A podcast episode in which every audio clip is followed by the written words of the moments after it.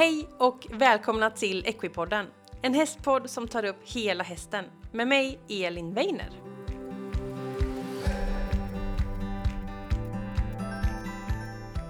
Äntligen ett nytt avsnitt av Equipodden och så kul att just du är här och lyssnar. Och veckans avsnitt det är ett väldigt intressant avsnitt för att vi får träffa etologen Paulina Lundberg och vi pratar om framförallt hästens känslor och hästens känsloliv. Och det här är ett sånt här basavsnitt som ändå på något sätt känns som att alla borde på något sätt ha med sig och man borde ha lite grundkunskap om de här sakerna. Eh, Paulina hon är då som sagt etolog och eh, vi pratar om hästens känsloliv. Vad, vad, vet vi om hästens känsloliv idag? Det är ganska ny forskning. Vad säger den forskningen? Eh, vi pratar om hormoner, vi pratar om eh, liksom olika uttryck som hästen gör när den känner olika saker. Vi pratar lite om att skapa relation mellan häst och människa, hur man skapar en bra relation.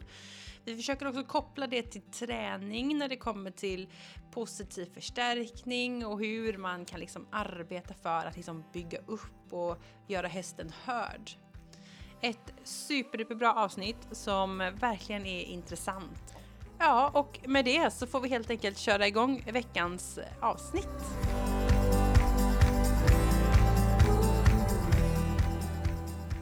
Så, då vill jag hälsa välkommen Paulina Lundberg. Hej! Hej! Hur är det med dig? Eh, det är jättebra faktiskt. Kul att få vara här och få spela in eh, podd och prata häst. Det är alltid liksom ja, eller hur? lyxigt. Mm. Kul! Mm. Ja, jätteroligt att du ville vara med för det här känns som ett superkul avsnitt för att du är ju etolog i början. Eller i botten Precis. säger man. Så det blir ju lite beteende, vi ska prata känslor och massa spännande idag. Men eh, vi kan ju börja med att bara fråga om vem är du och hur hamnade du där du är idag? Ja, eh, jag började egentligen min djurresa på gymnasiet redan där jag eh, valde till djurvård. Mm. Eh, jag trodde att eh, jag kunde kanske inte så mycket om eh, akademi och att man kan plugga vidare och sådär utan jag var lite naiv och trodde att ja, man går på gymnasiet och sen är man klar. Sen gick vi en kurs um, på, i, under gymnasietiden då där vi fick lära oss vad man kan jobba med sen mm. och då uppdagade det sig att man kan ju faktiskt plugga vidare. Eh, och då blev jag väldigt taggad på det och bestämde mig ganska snabbt där och då att det här vill jag absolut göra. Mm. Eh, och vi hade ju litteratur som eh, skollitteratur som skriven av Per Jensen då som är en erkänd professor i etologi som jobbar på Linköpings universitet. Så jag, det, där liksom bestämde jag mig då och eh, då får man ju läsa biologi först då i tre år eh, och då valde jag att läsa det på Linköpings universitet eftersom jag visste att jag ville bli etolog i slutändan och allra mm. helst doktorera. Ja. Ehm, så, och då är ju den liksom redan anpassad lite grann till att man kan välja Just det. åt etologihållet. Att det redan finns liksom. Kandidaten. Ja. ja. Eh, och sen har jag också lite fysiologi då, genetik och mikrobiologi som ligger då till grund i det här. Mm. Um, och sen så tog jag väl då min examen i tillämpad etologi uh, och djurbiologi 2019. Mm. Och då var jag klar. Sen jobbade jag uh, uh, vad ska man säga, en höst då på djurklinik. Mm. Eh, men jag jobbade väldigt långt hemifrån. Jag jobbade nere i Lund och det funkade inte ah, alls för mig tyvärr. Nej. Det var dock jätteroligt jobb och jag lärde mig massor. Mm. Men, men det, det, var liksom inte hållbart. Så att, eh, då blev det att jag kom tillbaka hem till Linköping igen då och då startade jag upp mina två företag som jag driver idag. Mm. Um, och de driver jag vid sidan av just nu. Um, så. Mm. Um, ja, min första häst fick jag 20 Nej, jag vågar inte säga ett årtal, men, men för, ett, för ett tag sedan ja. och då var det medryttarhäst. Ja. Um, och hon lärde ju mig typ allt skulle jag vilja säga och då ja. blev det liksom parallellt också med att jag gick min utbildning så fick jag ju massa aha-upplevelser i min utbildning alltså så, till att bli etolog samtidigt som jag då också förändrade min syn egentligen helt och hållet på hästar. Mm. Alltså hur, hur man läser beteende och hur man förstår inlärning och allt, allt sånt liksom. Mm. Så hon fick ju verkligen vara med från en en resa där jag egentligen inte kunde någonting till att bli då mer eller mindre expert i slutändan. Då. Just det. Ehm, så, och sen eh, fick vi tyvärr ta bort henne. Eh, hon, Mm. fick problem med, hon hade problem lite varstans men det var vart till slut en infektion som inte gick att rädda då, eh, Okej. tyvärr. Ja, vad tråkigt. Ehm, ja, och sen tog jag, då tog jag förståeligt då kanske en liten paus också. Då, Mm, det brukar vara sen- så.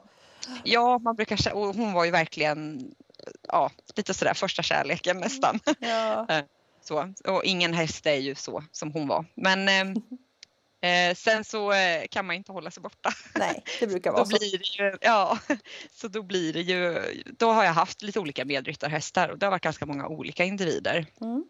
Eh, allt ifrån lite mer försiktiga och känsliga eh, som lite missförstådda kanske till eh, den senaste hästen nu som har haft en väldigt trygg uppväxt och som är väldigt, eh, ja, han är trygg i sig själv kan man Mm. säga. Härligt. Eh, och en, en helt annan typ av häst där man kanske inte, ja, det var ovant att inte jobba med en häst som kanske ja, inte har, han har inga problem liksom, han är Mm. bara, han mår bra. Ja, och han är då, nöjd med eh, livet.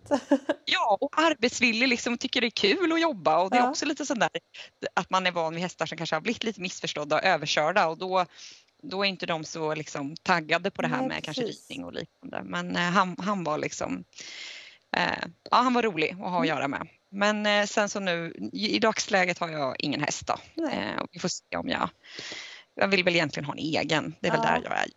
Det är det du är på väg mot. Lite Det långsamt. jag känner att näst, nästa gång liksom, Mm, då fattar. vill jag nog. Ja. Kul, men Yes. hund och, och sådär är det va? Eh, förlåt, vad sa du? Hund. Ja, ja, jag har en egen, eh, en egen hund, en dvärgpudel och Mm. honom tävlar jag ju, eh, vi har precis debuterat ska jag säga men tanken är att vi ska tävla i agility. Ehm, så, men vi har precis precis börjat här nu i, ehm, för någon vecka sedan sprang vi vår första Mm. tävling. Ehm, så att eh, ja, så honom håller jag också på att träna. och Ja, med det är och klart. Det är mycket djur i vardagen liksom. Ja, och ja, det är det ju verkligen. Och sen blir det ju i med mina företag att dels att man föreläser en hel del men också hjälper. Eh, det är ju väldigt mycket hundägare som hör av sig. Mm, Eh, är det. Så det är gärna de, de vill gärna ha hjälp. Så just att, det. eh, det är det. Det är mycket Ja. djur i vardagen. Ja. Kul! Eh, Jag får göra en liten sån här rolig berättelse. Jag har faktiskt tävlat i agility också när jag var liten. Ja, och jag hade världens snällaste labrador. Hon var väl lite överviktig får man väl erkänna. Just det, klassiskt. Eh, och eh, när jag var liten då. Eh, och ehm, hon var bäst på kursen. Hon var så jäkla duktig. Så att hon som hade den här agilitykursen, ni måste ut och tävla. Så sa jag, ja visst. Och så åkte jag och pappa då hur långt som helst och ska tävla. Och det är jättevarmt. Och hon var svart och det är så varmt. Och man får inte ha godis med sig så jag hade tagit ehm, blom, blompudding, eller vad heter tyckte hon var så gott. Så jag hade lite på fingrarna för att hon skulle så här, lite så här. Vara lite med. Ja men lite med så. Snyggt knep. Och vi startade första klassen och hon hoppar två hinder. Sen kommer den här, eh, man ska hoppa igenom ett däck. Just det. Och den tyckte hon alltid var lite jobbig så hon stannar upp och tittar till och då ser hon min pappa på andra sidan fältet och hon bara åh husse! hon drog över. Åh, det, var så ja, det var så pinsamt så jag bara jag går ut. Och så var det ganska lång tid till nästa skulle jag starta en gång till då så skulle jag göra det igen. Och det var så varmt. Och det var så varmt. Och, och vi hade liksom bara åkt med en hund och ett koppel typ. Oj, åh nej, nej. Och tänkt, ja vi hade ju vatten och så men folk hade ju med sig tält och burar och grejer och vi Ja. var så här jaha, Ja. Tänkte inte riktigt på det. Så när vi skulle starta så satte jag henne vid startlinjen och så, så gav jag kommandot och hon bara tittade på och bara nej och la sig ner och spiken bara Tilda vill inte vara med idag. Jag bara nu åker jag hem. Sen blev det ingen mer Nej. agility. Blev det inte? Nej. Nej men gud. Hon la sig så på sidan och bara jag orkar inte. Nej. Ja. Oj. Ja, och ja, det, alltså det är ju en konst också att Ja. åka liksom. Och det var väl lite där vi gjorde i vår debuttävling nu att bara Mm. liksom åka för att eh, bara kommer han bete Mm. sig precis som vanligt och det gjorde han ju så det var ju väldigt skönt. Det var Mm. ju som om vi var hemma Ja och han ville inte gå ifrån planen sen. Ja, hellre det än att lägga eh, det- sig. det- var jätte, det var skönt liksom. Ja. Så, så Ja, att, en eh, liten, blunder från förr. en hundsväng. För vi ska ju ja. egentligen prata häst och du har ju jättemycket med dig eh, kring häst och föreläser ju en del kring hästars beteende och, och vi pratade lite innan vi skulle spela in det här att, att hästarna är så viktiga för oss människor och vi har egentligen vetat ganska lite om hästars känslor. Eh, mm. Det har ju varit med en etolog innan i podden och då har vi pratat mycket om hästens biologiska behov. Vi får se om vi kanske kommer in på det också, det här med eh, liksom, tuggtid och hagar och kompisar och sånt där. Men vi ska försöka fokusera lite på hästens känslor, hästens känsloliv. Eh, så får vi se vart vi hamnar helt enkelt. För vi håller det lite öppet, eller hur? Vart vi ja, det hamnar. tänker jag. Mm, absolut. Om vi bara försöker börja och försöka ta oss in det här. Vad vet vi egentligen idag om hästens känsloliv? Vad, vad säger forskningen? Vad, vad, vad kan vi och mm. vad, vad känner hästen? Ja, och det är liksom, jag måste börja med typ direkt och bara lägga in en disclaimer. Mm. För känslor är jättekomplext. Eh, och egentligen så kan vi aldrig veta och även om vi vet så kan vi ju inte veta. Om jag skulle fråga dig till exempelvis, eh, hur känner du dig? Eller mm. är du arg eller är du glad? Mm. Dels kan du ju ljuga eh, och det vet vi ju kanske inte om djur har så hög kognitiv förmåga att de kan fejka sina känslor.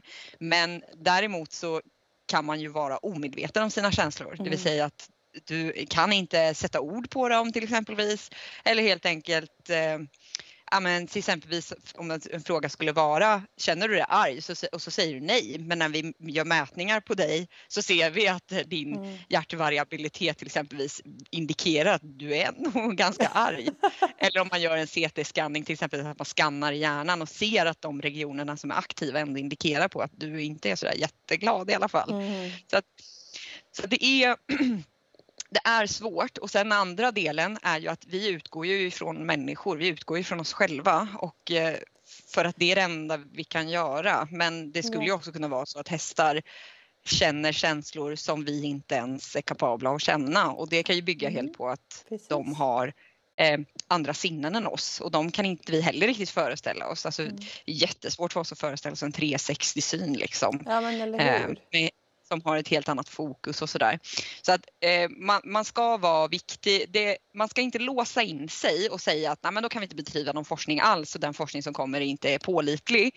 Det tycker jag inte, eh, utan man ska, man ska absolut läsa och liksom ta till sig det. Men det är viktigt att komma ihåg att vi är väldigt gröna och väldigt, det är väldigt nytt allting. Mm. Är det. Man har liksom tidigare sett eh, om man pratar liksom bakåt i tiden till etologi och så där med behaviorism, att då var ju djur liksom bara biologiska robotar liksom. Eh, och känslor är, det kan bara människor känna. Mm. Men och där, det är väl lite så vi får jobba, man tittar hur man, hur man hur vet vi då? Hur vet vi dels vilka känslor eller och, och, om de känner någonting?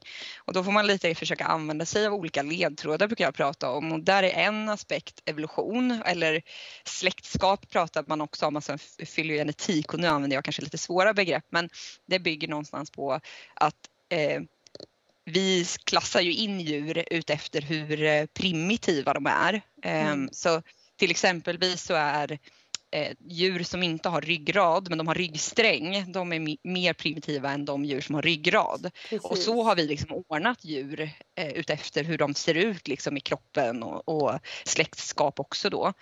Och om alla organ i kroppen följer någon form av mindre primitivt och mer komplext så är det rätt rimligt att känslor kan följa ett liknande mönster, det vill säga mm. att det kanske inte handlar om ja eller nej utan det kanske snarare handlar om ett spektrum mm. där det liksom är hur avancerat hur kognitivt utvecklade är känslolivet. Mm. Ehm, så det är ju en del där man kan titta på att mm, om det, allt annat följer det här mönstret kanske också känsloliv gör det med. Mm. mm. Sen är det ju hormoner som är jätteviktigt och där är det väl en halva som säger ja men även om vi kan mäta hormoner så kan vi inte veta att bara för att en häst får utsöndring av oxytocin så är det inte säkert att den känner, får samma känsla som en människa då till exempelvis. Mm. Att man kan inte med säkerhet veta det. Och där menar jag också då lite att jo men jag tycker ändå man kan våga och vara in och liksom skrapa lite där för mm. att hormonerna har ju ändå funktioner och framförallt om man tittar på däggdjur Precis. så är vi ju väldigt rika Ja precis, det är inte så långt, eh, långsökt att säga att ja, typ oxytocin kan ge liknande känslor. Ja, precis, precis. Ja. Ehm, så hormoner har vi ehm, och sen ehm, tittar man ju, alltså i och med att datorer blir bättre, AI blir bättre, mm. eh, så kan man ju också börja använda datorer för att klassa ansiktsuttryck. Eh, och då finns det någonting som kallas för FACS, eh, som egentligen bara tar eh, djur och alltså skalar av skinnet och klassificerar alla ansiktsmuskler och Oj. sätter namn på dem och liksom så. Eh, sen kan man som forskare då ta det här att den här informationen finns och sen kan man använda den då för att eh, alltså börja gruppera då att okej okay, jag ser att eh, den här ögonmuskeln och den här och den här de är spända samtidigt mm. och vad gör hästen då? Mm. Och så, så använder man olika statistiska program för att liksom få olika kluster då. Just det, och samband typ. Exakt och det är ju så mm. här man har gjort bland annat då med smärtansikte att där har man egentligen ja. låtit en dator ta, ta kolla på, eh, alltså bedöma olika muskelgrupper då som är aktiva. Mm. Ehm, och, och då därur kommer det då att vi kan klassificera in att så här ser en häst ut som har ont helt mm. enkelt. Ehm, så där är vi, det här med ansiktsmuskler eh, det är rätt likt däggdjuren mm. över eh, mm. och vi kan se att smärtansikten är lika över flera olika typer av djurslag. Mm. Eh, men då är det däggdjur man tittar på. Men man har tittat på primat och människa och möss och ko och ja, häst såklart också. Eh, så det kan man också använda sig av för att liksom, ja,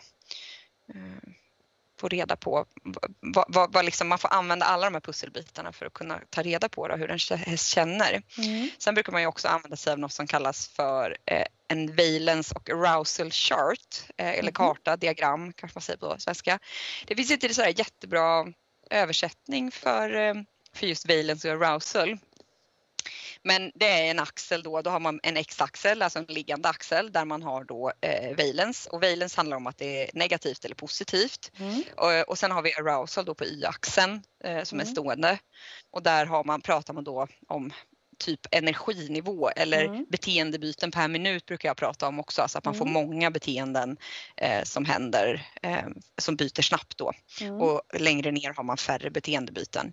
Och den här kartan använder man och den är ju såklart under utveckling för känslor är ju mycket mer än tvådimensionellt liksom där det bara finns så utan det kan ju, finns ju ett djup också i det. Precis. Och man kan känna flera känslor samtidigt. Mm. Eh, men den använder man, kan man också använda sig av för att försöka klassa in när man tittar på en häst, alltså när man har en häst framför sig som beter sig och är och så här. Mm. Eh, att försöka fundera på, hmm, eh, är hästen liksom i den positiva cirkeln eller är den mer den negativa? Har den många beteendebyten? Alltså byter den beteende snabbt? Mm. Då vet vi att den är hög arousal till exempelvis. Mm. Och negativ och positiv brukar man helt ganska enkelt mäta med att söker sig hästen till eller söker sig hästen från. Ja, okay. ja. Eh, då kan man använda det här då liksom för att försöka helt enkelt förstå sin häst om man ska mm. så. Ehm, eh, och det här är ju ingenting som är unikt för häst utan det använder man eh, generellt då på, över flera eh, djurslag för att kunna bedöma in.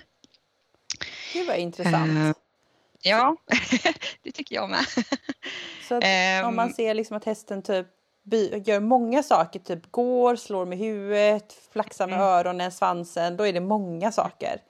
Mm, precis och framförallt att det kanske kan ske många eh, många beteendebyten, alltså att det går snabbt. Den håller inte på med ett beteende så länge utan ganska kort tid. Och det behöver inte vara någonting negativt eh, utan det talar bara om egentligen att var, var är vi? Och det som ofta är utmanande som jag brukar prata om och lyfta varför man egentligen vill försöka hålla sig på lite mer mediumnivå när man håller på och tränar hästar. Mm. Eh, det är för att det är så svårt, det är så lätt att man eh, nu har vi ju inte en sån här känslokarta framför oss men om man tittar liksom högst upp på den här eh, arousal-nivån på, mm. på högre sidan då är ju att hästen känner sig exalterad, den är, ja, för, alltså, den är väldigt så upp, uppe i varv. Ja. Eh, helt enkelt. Och på andra sidan och det, om man tänker mer åt det negativa hållet, där ligger ju frustration. Mm. Så det är väldigt lätt att om man inte liksom vet vad är om man inte har tydliga kriterier för vilka beteenden är jag vill förstärka när jag får många beteendebyten. Mm. Eh, då är det väldigt lätt att hästen blir frustrerad för den mm. gör ju en massa beteenden eh, och så vet vi har svårt att kanske separera ut vad var det egentligen ville kanske förstärka mm. eh, och hästen blir då osäker och så blir den frustrerad och då när vi får frustrerade hästar brukar det eh, oftast leda, vissa kan ju stänga av och bara nej men då vill inte jag vara med alls. Eh, men annars kan det komma den här aggressiviteten då som gör att ja. många till exempel slutar träna med godis mm. Ehm, för att man inte vet liksom hur man ska hantera de här många beteendebytena. Mm. Därför är det så viktigt att liksom hålla sig, är man nybörjare, framförallt om man jobbar kanske med positiv förstärkning, alltså matbelöning, att man håller sig på passiva beteenden, att man börjar träna in liksom stillastående mm. och liksom artig beteende och lite sådana där saker. Mm. Man kan kanske vara väldigt sugen på så här, oh, jag lär mig hästen att stegra och passage. Slå med framben. Och... ja, exakt. Och där ångrar man sig sen och då leder det till att man slutar och det är lite synd. Mm. Um, men uh, ja. Mm. Jag ska inte dra in för mycket kanske på träning så men, uh, men det är ju där man vill vara och titta lite också. I, alltså i umgänget överlag med våra hästar för att titta på vad tycker de egentligen, vad mm. gillar de? Sådär. Mm. Då tänker jag att man, jag, vi kan pausa lite med just träningsdelen och hålla kvar oss lite vid kanske den forskningen som bedrivs på mm. Eh, på häst kring eh, till exempelvis hormoner. Mm, ehm, precis, då kommer vi tillbaka till träningen sen lite spännande, eller hur? Ja, ja men exakt, jag tänker det. Mm. Eh, att vi kan, när vi liksom har grunden så kan vi komma tillbaka till hur vi kan titta lite mer på, på ridhästen och lite vad den tycker och känner då i förhållande till vår träning. Mm. Men, men den forskning då som man har tittat på hos häst, de hormoner som man brukar prata om är, är liksom ja, intressanta kopplat till känsloliv. Det är ju såklart adrenalin och kortisol som mm. är eh, stresshormon och adrenalin och kortisol är ju eh, kortisol är väl kanske inte, det är ju mer långvarig stress när den kortvariga stressen inte kan liksom avhjälpa hästen mm. eh, i en situation som är stressande då eller jobbig. Eh, men adrenalin tenderar ju att skapa känslor kopplat till antingen att hästen blir väldigt arg och mm. utåtagerande mm. men det är ju inte jättevanligt hos häst att göra det i första taget utan det är ju generellt sett flykt, ja, att fly precis. eller att kan de ju också göra. Precis och det är kopplat till eh. typ oss människor också där fight or flight Typ Precis. om man ska redovisa för eh, för på jobbet eller någonting, då får man de här lite känslorna, eller hur? Exakt. Och egentligen fight or flight är egentligen lite eh, tunt för det finns egentligen två till. Mm. Och det ena är då att frysa fast mm. eh, och det, det sista är att man blir lite flamsig. Eh, och de hästarna, mm. när man pratar, de, det är kanske inte så vanligt att hästen blir flamsig flamsig egentligen som till exempel hundar kan bli. Hundar kan genuint bli väldigt, eh, för att de har svårt med ehm, vad ska man säga, de kan inte själva bedöma att eh, jag måste inte vara här utan de vill liksom så gärna vara oss till lags hela tiden mm. och hästar har inte riktigt den, eh, det, eh, Nej, den utvecklingen om man ska säga.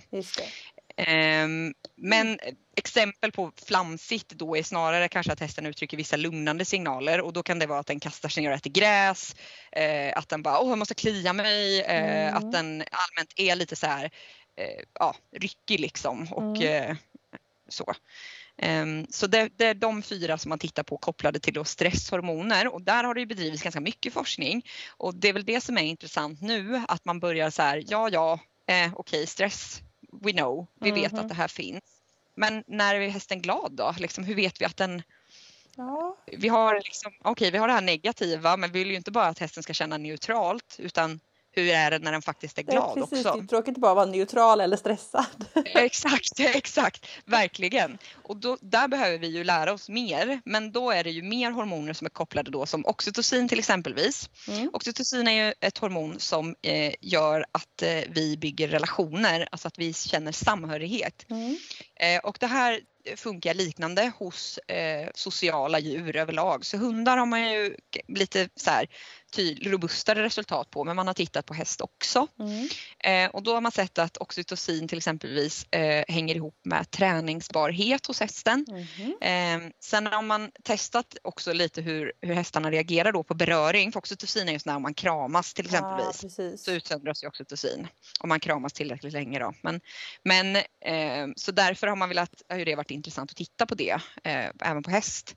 Eh, och, men där hade man inte sett någonting men, och det är väl här som är det kluriga med hormonforskning, att hormoner är jättekomplexa. De samspelar och även om oxytocin har rollen som liksom relationsbyggande så har det också rollen att vara skeptisk mot främlingar. Mm. Så någonstans skap, är ju oxytocinet ett sätt att skapa samhörighet och hålla ute ja, andra Precis. som inte ska i relationen. Liksom. Precis, för flocken är ju så viktig.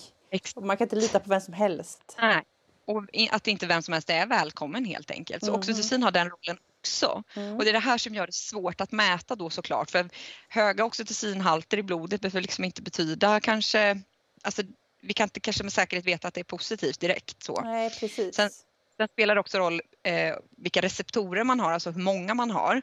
Och receptorer brukar jag jämföra som att eh, det är som en hamn och hormonen är som en båt. Mm. Och har du då en hamn med massa båtplatser, alltså receptorer då, eh, blir de fulla då, kan du ju inte, då får du inte plats något mer, det spelar ingen roll hur mycket oxytocin som utsöndras, det kan Precis. ändå inte tas tillvara på. Eh, och mängden receptorer spelar roll eh, mellan olika raser har man sett, så att det varierar mm. alltså beroende på ras. Och det är också intressant eh, vad man liksom kan komma vidare ur det och se att hmm, och då mm. koppla ihop med träningsbarhet och lite sådär. Mm. Så det finns en del sånt där. Men eh, fysisk kontakt, där såg man ju ingenting då. Ehm, men det som är intressant då är ju kanske att göra en studie som, där man tittar på, okej okay, men är det skillnad på om en främmande person kliar på hästen på en plats mm. som hästen kanske är, ja ja, kliar där du, men mm. det är ingen som uppskattar eller visar ja, att den gillar. Versus en känd person som en ägare till exempelvis då och klia på plats där hästen faktiskt mm. uppskattar det och visar det här äh, klia liksom när de det vill. Det där najsiga stället ja. ja. Um, och det ansiktsuttrycket har man ju också klassificerat som en positiv, alltså mm. alltså att man kan använda det för att hästen uppskattar någonting. Mm. Um, så att det är ett sånt där ansiktsuttryck som man klassar som en positiv känsla då. Um, det är oxytocin, sen har vi dopamin mm. eh, och jag tycker det är lite, jag har ju eh, liksom, man läser ju på och försöker hitta information och vad, vad finns det för forskning. Och den är lite skral tycker jag men i, om man tittar på däggdjur överlag så är dopamin vill ha-hormonet. Det bygger på att man, man vill ha någonting mer mm. eh, och är ju starkt kopplat med motivation såklart. Mm. Eh, man har sett eh, hästar som gör stereotypa beteenden, alltså väver, eh, headshakar, eh, ja, eh, krubbiter, eh, den typen av beteenden. Mm. Det utsöndrar dopamin. Mm. Det är därför, ja, och stereotypt beteende är också en egen så här, kan man, skulle man nästan kunna ha ett helt avsnitt bara om det mm. för att det är eh, svårt. Eh, men stereotypa beteenden är en sån där grej som man bara ser hos tamhästen. Just eller man det. ser det bara hos djur i fångenskap så att säga. Det är ja. ingenting som man ser i vilda bestånd. Mm. Eh, men, men det är lite klurigt med sånt där. Men, mm. men i alla fall så vet man att det då dopaminet, det, de kan, det kan kännas skönt att få Precis. dopamin direkt Precis, och eh. när, när människan får dopamin så blir man lite så här yes jag klarar det här, man blir lite positiv. Och då kan jag förstå då, om hästen får det när den typ krubbiter till exempel, då mm. fattar jag att den gör det. Såklart. Det är väl och jätteviktigt att förstå. Viktiga att absolut inte sätta sådana här, alltså, alltså att hästen inte kan krubbita. Nej. För att det är ju lite grann som att ska bara dra det krasst så är det ju som en narkoman. Alltså mm. och sen bara helt ta bort allting. Mm. Och det funkar liksom inte, då kommer hästen bli så extremt stressad, den kommer må så dåligt. Mm. Eh, och där finns det verkligen risk för att hästen går in i inlärd hjälplöshet, det vill säga blir apatisk för att den kan ju inte liksom den har då de här starka känslorna att jag måste göra det här för att må, må bra. Och kan de inte göra det så mår de jättedåligt. Ja, så att, jag förstår det. Det har jag aldrig tänkt på. Eller aldrig, för man vill ju inte att den ska krubbita för att den förstör inredning och förstör tänder och så är det inte bra för luften och sådär till ja. exempel. Men, men det är väl som att typ om man har ta ett barn typ och så är det en godisskål som man inte får ta som sitter inom en bur, då kommer ju gå ja. bananas. Ja precis. Och det, det är, jag menar inte att man inte ska göra någonting åt det för det är som du säger tänder och det, liksom, det är mycket som är dåligt med krubbitningen i sig. Mm. Men det bästa är då att ta hjälp av en etolog. Alltså ta ut en etolog så får man börja titta på olika parametrar och jag tänker där kan vi komma in på också nu det här med liksom hur får vi hästar att känna positiva känslor. Mm. Och positiva känslor bygger lite på det, vad ska man säga så här, det är inte bara positivt att ha positiva känslor om mm. du hänger med. Det bygger igen det här med mm. dopaminet. Mm. Att dopamin kan ju nästan skapa ett beroende så att man får vara det är en våg liksom mm. eh, i att det här med vi vill också att hästen ska känna kontroll och förutsägbarhet och där pratar jag jättemycket om. Eh, att det är viktigt att hästen har Eh, om man tar förutsägbarheten först då, det bygger någonstans på att vi, det är ju de flesta väldigt duktiga på, man har rutiner, man gör saker, samma sak hela tiden. Och att också vara då konsekvent hänger ju ihop med det, för det bygger någonstans på att vi är förutsägbara, alltså som person, alltså i våran dialog med hästen. Mm. Att jag inte liksom agerar irrationellt eller man ska säga, eller inkonsekvent. Eh, utan att man är förutsägbar i sin kommunikation. Det. Eh, det. är jätteviktigt. Mm. Eh, och sen är ju det här med kontroll då. Och det kan ju kännas lite främmande för många kanske att så här, mm. men vadå, vadå kontroll? Ska, man, ska hästen få bestämma?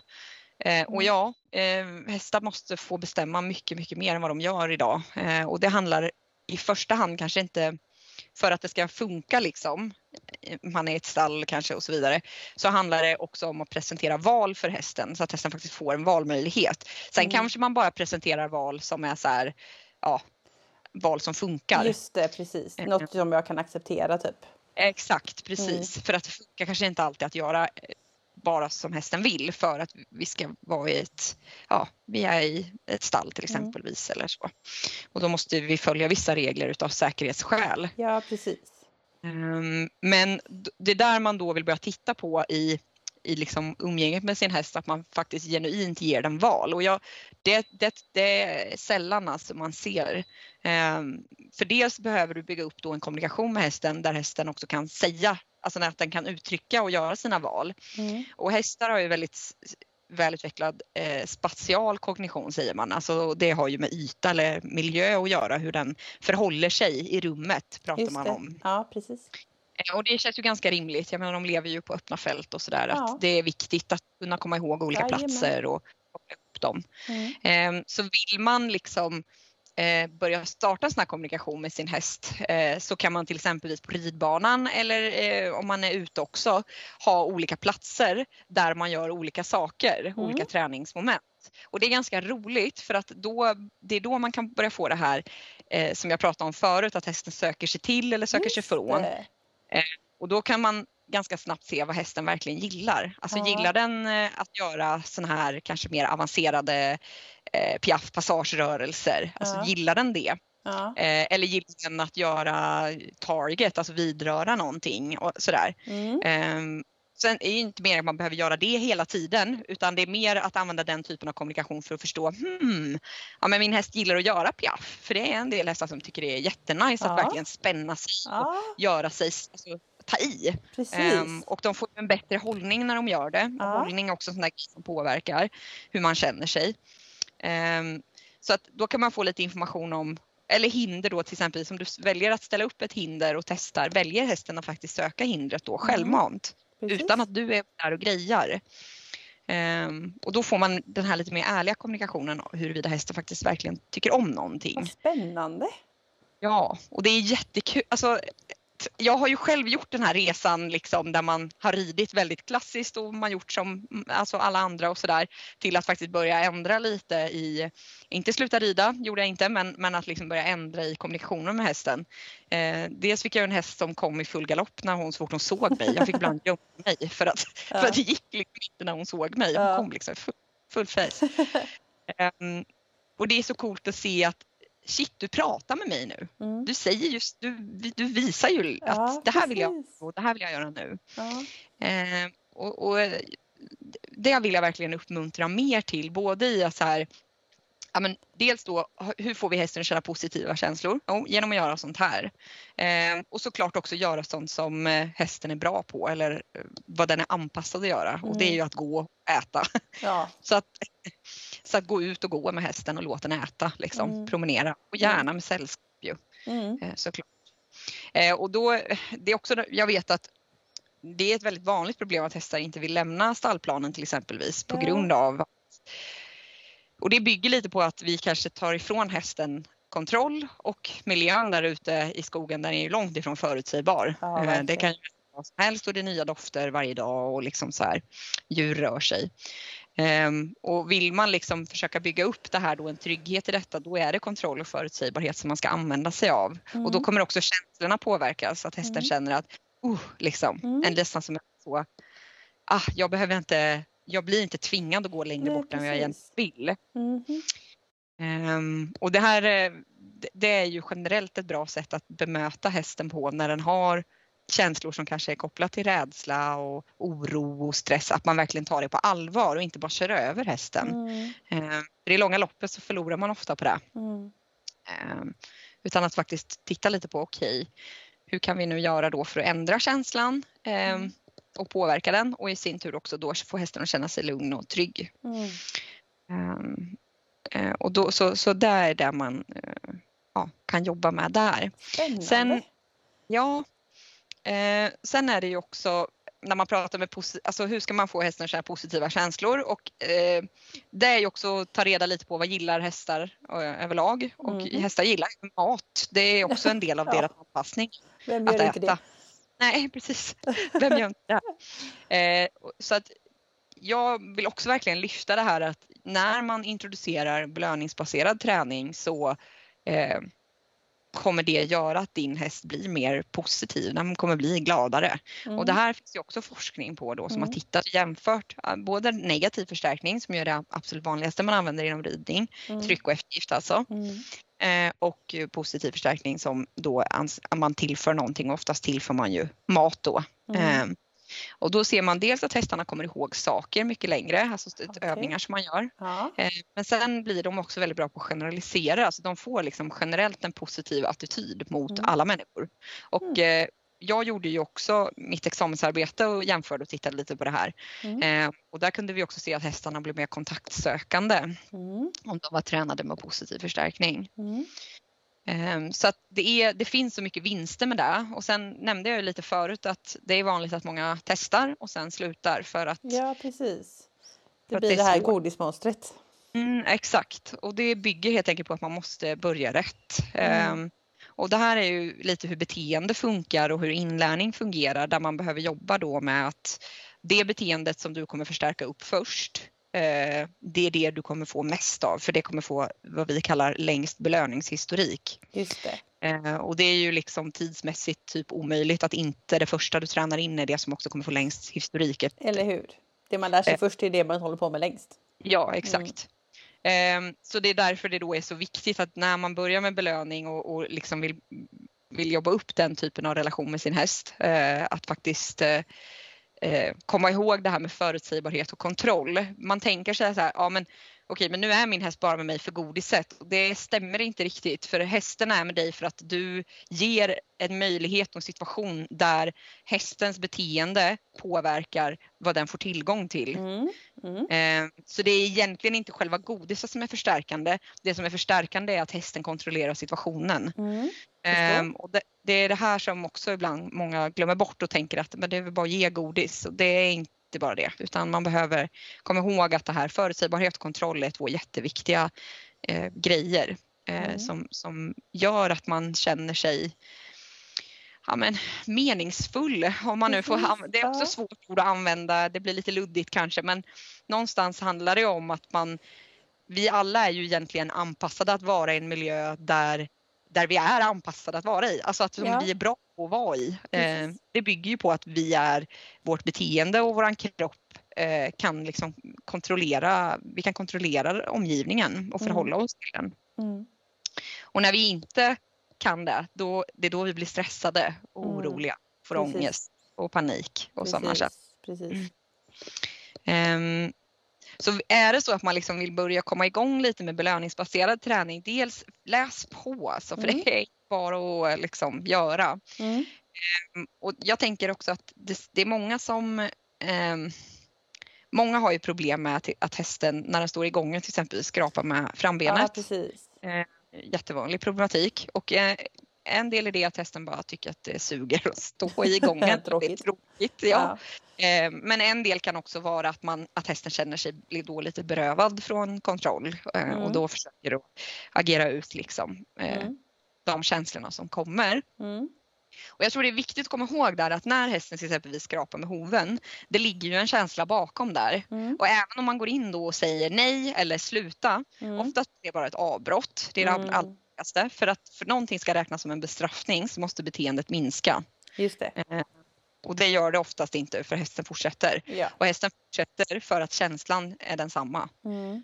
Och det är där vi liksom måste in och gräva om vi vill påverka beteendet. Är att hur kan jag ändra den känslan som hästen har? Mm. Uh, jag tycker att det bästa i det fallet är, dels kan man lära hästen att stå still. Mm. Uh, där kan man förstärka upp alla fyra hovar i marken. Mm. Men egentligen så är det bästa om hästen kanske kan få stå och äta. Till mm. exempel när den gången. Just det. Uh, liksom skapa. Men där, där, kan man nästan se att vissa verkar tycka att det är jättetråkigt och andra kan tycka att det är jättekul och härligt att stå och titta på allt som händer och ja, någon som pillar med mig och allt det där. Det är också så himla olika.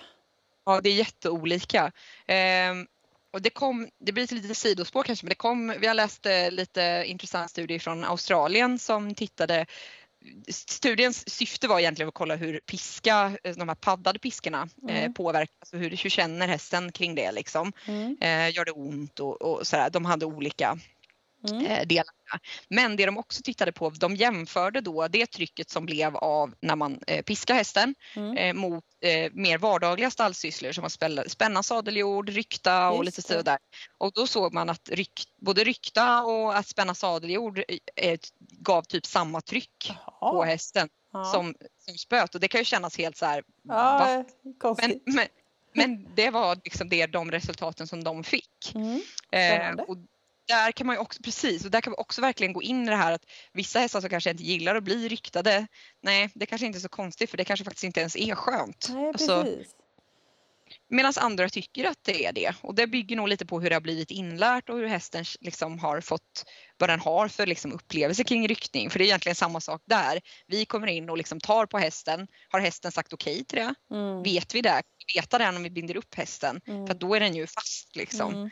Mm. Um, och där tror jag också det kan spela roll vilka individer som uppskattar att bli ryktade och vilka som inte gör det. Att hur har man börjat med ryckningsprocessen när de var små? Mm. Att man faktiskt har så här, du kan komma till mig så borstar jag dig men mm. jag kommer inte komma till dig och borsta dig om inte, för då det är också en sån här konsent, eh, att få samtycke då ifrån hästen. Just det, just det. Intressant. Yes. Men, mm. Och det är ändå så här, eh, man tänker så här, ja men rykta det är lite god massage och lite göttigt och så, men sen så tänker man, ja men då tänker man, ja men att slå häst med spöet det är dåligt. Och så, och så är det samma, då blir det verkligen så här ja. omvärdera sättet att se på hur vi gör saker. Vissa ja, saker verkligen. är så självklara liksom. Mm, mm.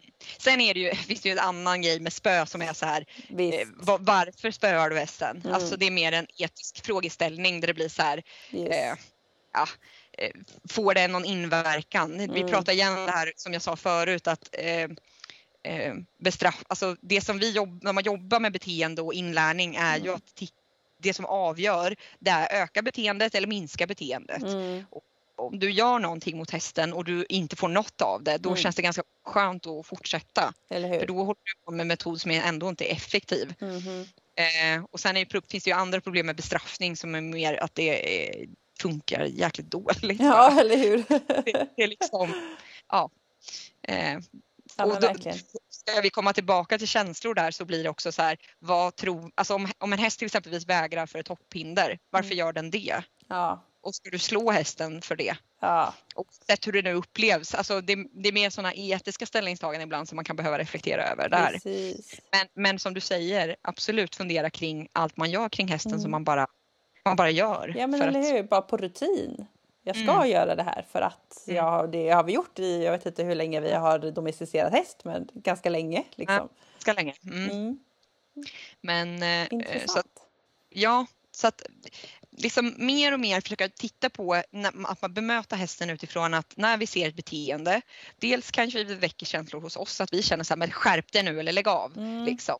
Men att då stanna upp lite och tänka, men vänta lite nu, vad känner hästen mm. och varför känner den så? Eh, och sen är det inte alltid man kan bejaka det eh, och man ska inte vara rädd för negativa känslor. Det är inte så, för att mm. vi behöver ju, alltså man kan ju inte leva ett liv där allt bara är woho hela tiden. Klarar vi inte någonting. Alltså då klarar vi ju inte av eh, nå, att kanske separeras då till exempel från flock eller alltså då, då, klarar man inget istället för att man inte har lärt sig att copa då med de här negativa känslorna. Mm. Eh, men man får ju göra det successivt såklart. Eh, och, och liksom vara lite schysst och tänka på att sätta hästen i situationer där den med stor sannolikhet kommer klara av det. Eh, mm.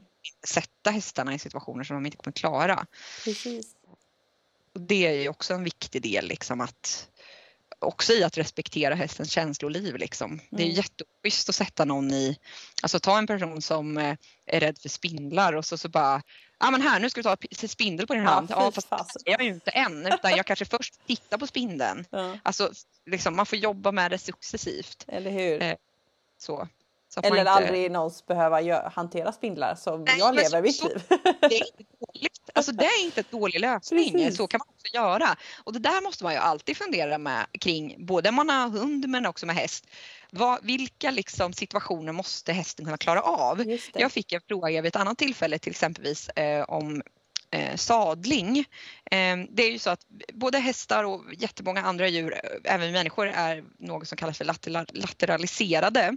Det betyder att vi har en eh, man säger ju bias, men jag, jag har nog inget bättre ord än det, men alltså att vi, har en, vi föredrar en sida mer än en annan. Precis. Så vi människor är ju högerhänta till exempelvis. Yeah. Men det är också så att vi, eh, när man tittar på andra människor, då tittar man på vänster ansiktshalva. Mm. Så jag, min, min vänstra ansiktshalva kollar på din vänstra ansiktshalva. Mm. Eh, och, och det gör att den sidan visar känslor mycket tydligare mm. än den sidan. Ja. Det, betyder inte, det betyder inte att, inte, alltså, att man inte kan processa hela ansiktet, det är klart man gör det. Yeah. Men, men det blir en bias. Så att Precis. om du är arg då, då, blir det, då, då, är du argare på den sidan du alltså, ser mer arg ut. Så ja, skulle man ha liksom och dela ansiktet.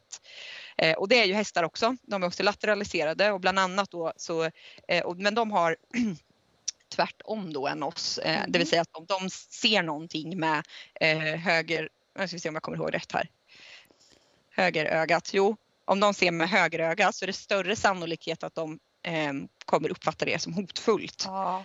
De ser det med vänster sida. Ja. Och det, det, de måste komma, dels måste det ju vara kopplat med nya saker så det måste vara någonting nytt som gör att det, det handlar om hur den kommer göra sin första bedömning. Mm. Um, och, det, så att, och då är det liksom en, ja, en dragning till att jag kommer uppfatta det så här. Mm. Och då frågar hon så här, men ska man inte, ska man skita i helt och stå på högersidan och göra saker med hästen? Mm. Och då tänker jag så här, eh, ja eller nej, kanske inte. Det beror på, vad är det du vill göra? Du kanske inte behöver för, hoppa upp från både höger och vänster sida. Mm. Utan det kanske bara räcker att du hoppar upp från vänster sida. Mm. Eller behöver du kunna liksom hoppa upp från alla håll? Mm. Eh, alltså bara få fundera lite på vad behöver jag kunna och vad behöver jag utsätta hästen för? Precis. Ehm, så att, att, att helt skita i saker kan man absolut göra om man ja. vet att men det kommer nog inte, vi kommer inte hamna där, kommer inte behöva.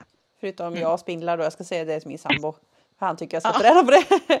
Nej men det handlar mycket om att vissa saker måste vi kunna göra med hästen också. Mm. Eh, för jag tänker på, visst vissa saker kan vi skita i. Eh, jag behöver inte att hästen ska kunna jag vet inte, gå med bjällror. Det kanske jag inte behöver. Men sen så jag behöver kunna lyfta hoven till exempel för att hovslagaren mm. kommer behöva hantera den. Exakt, exakt. Så där får man ju prioritera lite. Men eh, och den, det kan vi också prata lite om, den formen av träning som är kopplad till frivillig hantering och där var jag också med nu i, i Hipson och pratade lite om Precis. hur man kan jobba med det. Mm. Eh, och där kan du applicera på typ allt. Alltså. lyfta på hoven, ryckning.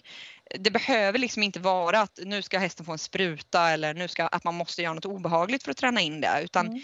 eh, det kan man använda och det är också ett sätt att skapa dialog och det bygger ju på att man egentligen lär hästen ett sätt att säga okej okay, du kan starta nu mm. och nej nu vill jag inte längre. Mm. Eh, och vissa blir då så här, men vadå om man lär hästen att den kan säga nej Tänk om den säger nej då? Ja, vad ska jag göra då? de gör ju inte det för att de har kontroll. De mm. vet att de kan säga nej men eftersom att de har det valet så säger de ja. Mm.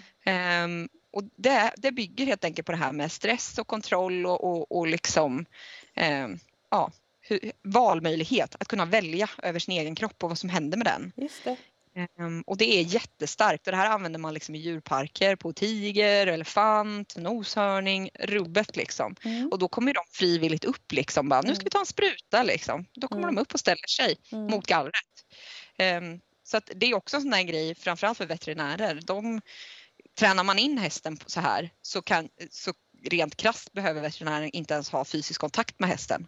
Eh, för att man kan göra saker genom gallret om man har lärt hästen eh, det. Häftigt! Och hur ja, börjar man med det då?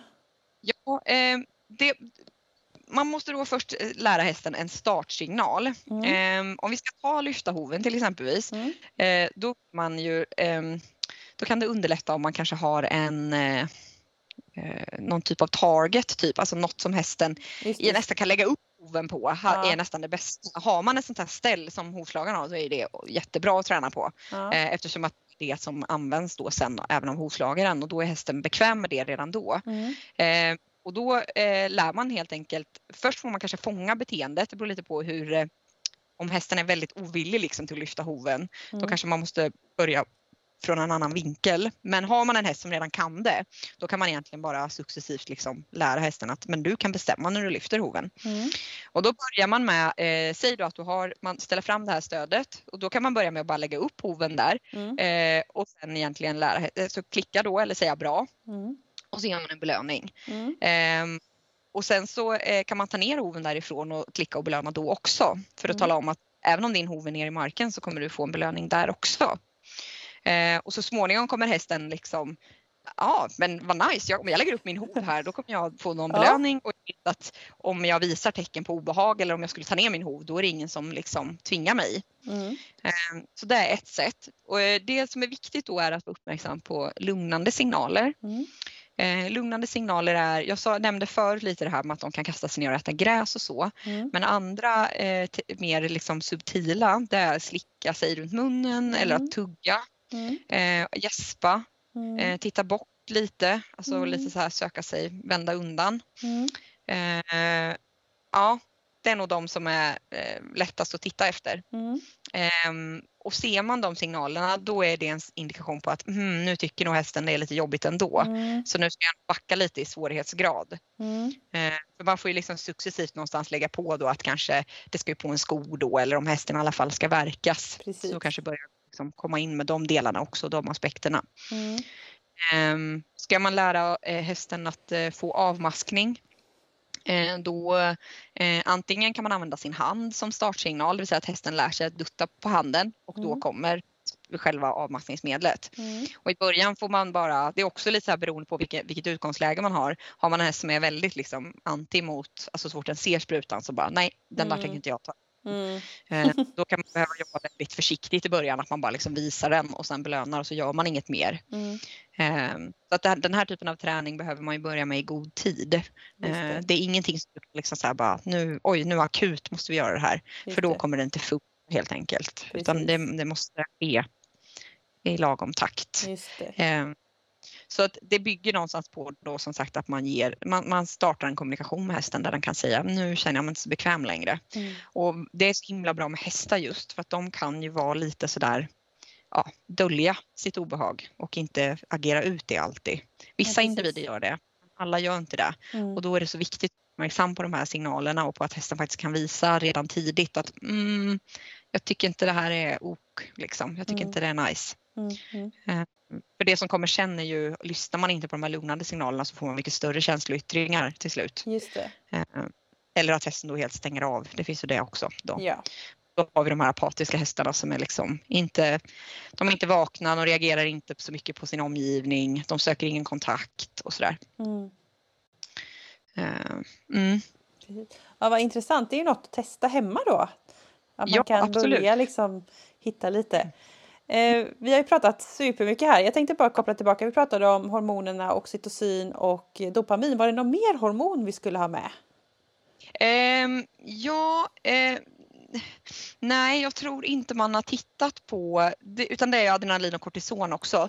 Man har inte grejen är att det finns ju andra eh, Serotonin finns ju bland annat, eh, men där jag, jag, har, jag har inte hittat eh, några studier som liksom tittar på, på liksom specifikt det.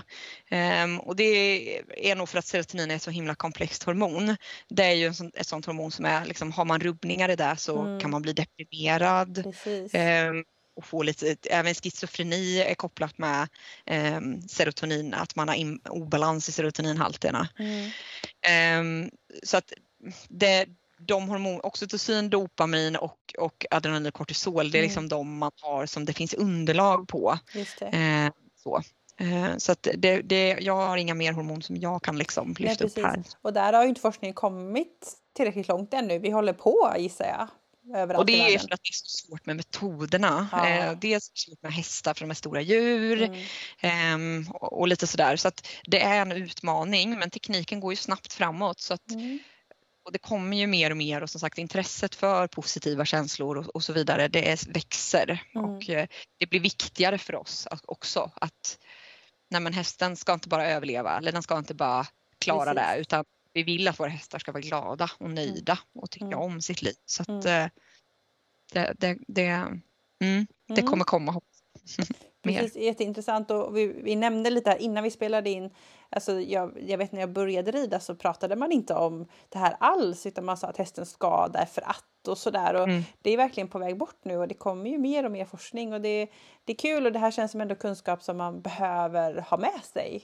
Eh, ja, verkligen. Och lite svårt att ta till sig också kanske. Så då är väl det här forumet en väg framåt helt enkelt. Ja, ja, ja. Ja, och sen alltså jag vill också eh, så här nu blir det kanske lite reklam så här men jag lägger ju ut bilder och mm. visar alltså exempel. Mm. Så liksom gå in och följ människor som, som liksom lyfter sånt här. Eh, så att ni kan, alltså man övar. Skriv ut, man kan skriva ut så här pain face skalan. Det finns liksom färdiga, nu mm. tror jag till och med Hästsverige har gjort en gratis onlinekurs. Eh, så in liksom och alltså, använd den gratis informationen som finns och öva, öva, öva. Precis, det finns ju så mycket idag. Och det är ju så lätt, att, det är bara ett klick bort liksom. Ja, precis. Ja, jättespännande. Vi har pratat eh, riktigt länge här nu. Jag tänkte att vi skulle liksom runda av lite grann. Vi har ju pratat mycket och det kom in mycket eh, lyssnarfrågor och vi har vävt in en del av dem eh, i det här. Kanske inte riktigt alla, men jag tänker om man eh, nu har lyssnat på det här och så tänker man att Åh, det här är ändå saker som det här har jag aldrig tänkt på innan. Jag fick i alla fall mycket så aha-upplevelser. Aha, okej, okay, är det så? Mycket tankar. Men om du skulle ge liksom så tips på hur man kan liksom applicera det här i vardagen. Vart, vart, ska jag börja och hur kan jag liksom få med mig de här tankarna in i vardagen med hästen? Mm.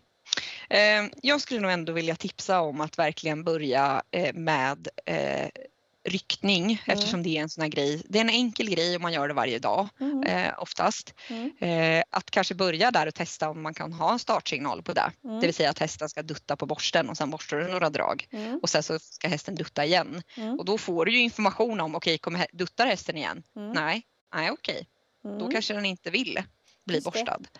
Så det är väl ett sätt för att helt enkelt starta dialog. Mm. En annan grej som jag också tycker är så, här, så himla bra om man lär in det är att ta på grimman självständigt. Alltså att mm. hästen verkligen inte att du sätter på den utan hästen stoppar ner huvudet i mm, grimman. Mm, för det underlättar både när du ska hämta hästen i hagen och det blir liksom bara trevligare överlag i, när du ska hantera hästen och hämta. Alltså, den, kommer, den kommer tycka att grimman är någonting roligt. Och, använd gärna belöning då så att mm. man liksom lär hästen att när du stoppar in då får du belöning. Mm. Eh, jag skulle också vilja skicka med när man spänner sadeljorden. Även om man har en häst som inte bryr sig ett dugg. Mm. Varje gång du spänner, ge en godisbit. Liksom. Mm. Eh, morötter är jättebra för det är ingenting som fastnar och sådär och det är inte så mycket kalorier och så i det. Just det. Bara för att liksom skapa positivitet. Ja, ja mm. precis. Eh, och det är en sån där liksom ganska eh, vad ska man säga, avgränsad situation. Ja. Så det, är, det är svårt att göra fel så om man ska vara om man är ofta på samma plats och lite ja. sånt där andra grejer som är viktiga att tänka på. Ja, ja men mm. det är mm. ju superbra och, och, jag tänker just det här att liksom tänka att hästen har ett helt känsloliv från mm. väldigt positivt eh, exalterat mm. till väldigt stressat och lite panikkänslor. Exakt. Och att det har jag med och jag går igenom Exakt. vissa dagar mer känslor än andra får jag väl mm. erkänna. Mm. Men att, att det är viktigt att, det är, att de finns och att det, ja. man ska inte heller vara rädd för de negativa känslorna. Nej. Och Nej. att man ska försöka framkalla de positiva. Mm. Exakt, påverka liksom och det är det som i slutändan sen påverkar beteendet också. Så att, Mm. Nej men verkligen, det vill jag verkligen skicka med alltså. Mm. Det här som du säger att eh, respektera hästens känslor. Ja. Är, den är en individ liksom, den känner saker. Den är inte bara, den är inte larvig, den är inte töntig, den är inte jobbig, den jävlas inte. Den är inte alltså, det, det är vår uppgift att göra, att försöka göra hästen eh, sätta den i situationer där den kan trivas och må bra. Precis. Precis. Ja, det, det är superintressant. Eh, ja, vi har ju pratat på i nästan en timme här nu så ja. det är verkligen dags att runda av. Men eh, det här var jätteintressant och jag, jag, hoppas att fler kan tänka sig att ta ut någon om man har ett problem, så här, vad, vad, kan en etolog hjälpa till med? Det tror jag också är viktigt att skicka med. Men om man tyckte mm. det var intressant och tyckte du var intressant, kan man följa dig eller eh, se mer av dig någonstans? Eller komma i ja. kontakt med dig? Det, jag finns ju på eh, Facebook och jag finns på Instagram och det går bra att mejla mig också såklart. Mm. Eh, på, eh, I sociala medier så kan man söka på Paulina etolog så kommer det komma upp. Mm. Eh, man hittar mig. Vill man ha på andra etologer då är det Sveriges akademiska etologer man kan klicka in på. Mm. Man kan också klicka in på etolog.se så finns några av våra anslutna etologer där. Mm. Eh, sen finns det en förening också som heter eh, belöningsbaserad hästträning i mm. Sverige. Där kan man också hitta tränare mm. som tränar på, som är duktiga inom belöningsbaserat. Precis, för att få lite hjälp mm. igång. Mm, mm. Men har man riktigt svåra problem då tycker jag verkligen att man, det är en etolog man ska kontakta för vi har liksom ett mer holistiskt tänk, mm. ett helhetstänk där vi tar in allt, liksom, biologi, eh, liksom, vi, tittar, vi tittar på behoven också som, som det här som du nämnde i början. Mm, mm. Och att ni är också forskningsbaserade. Mm, Precis, det är, inte, det är, det är lagt på empiri så att säga, som man säger. inte anekdot. Nej. Även om man använder kanske båda lite grann. Men ja, men, ja. men inte det här tyckandet eller Nej. så. Nej, försöker vi hålla oss undan. Ja. ja, men jätteintressant och som sagt på din Instagram, eh, Paulina Etolog, så lägger du ju upp mycket post, eh, vad kallar man det, och där det står mycket texter och det är kopplat både till häst och hund och lite andra mm. djur har jag sett också va? Mm. Jag har katt också men mm. jag har lite dålig på att få upp det materialet för det finns mycket. Ja, lite så. Och där kan man höra av sig. Men då får jag säga jättetack för att du ville vara med i Equipodden. Ja, tack själv, det var jättekul.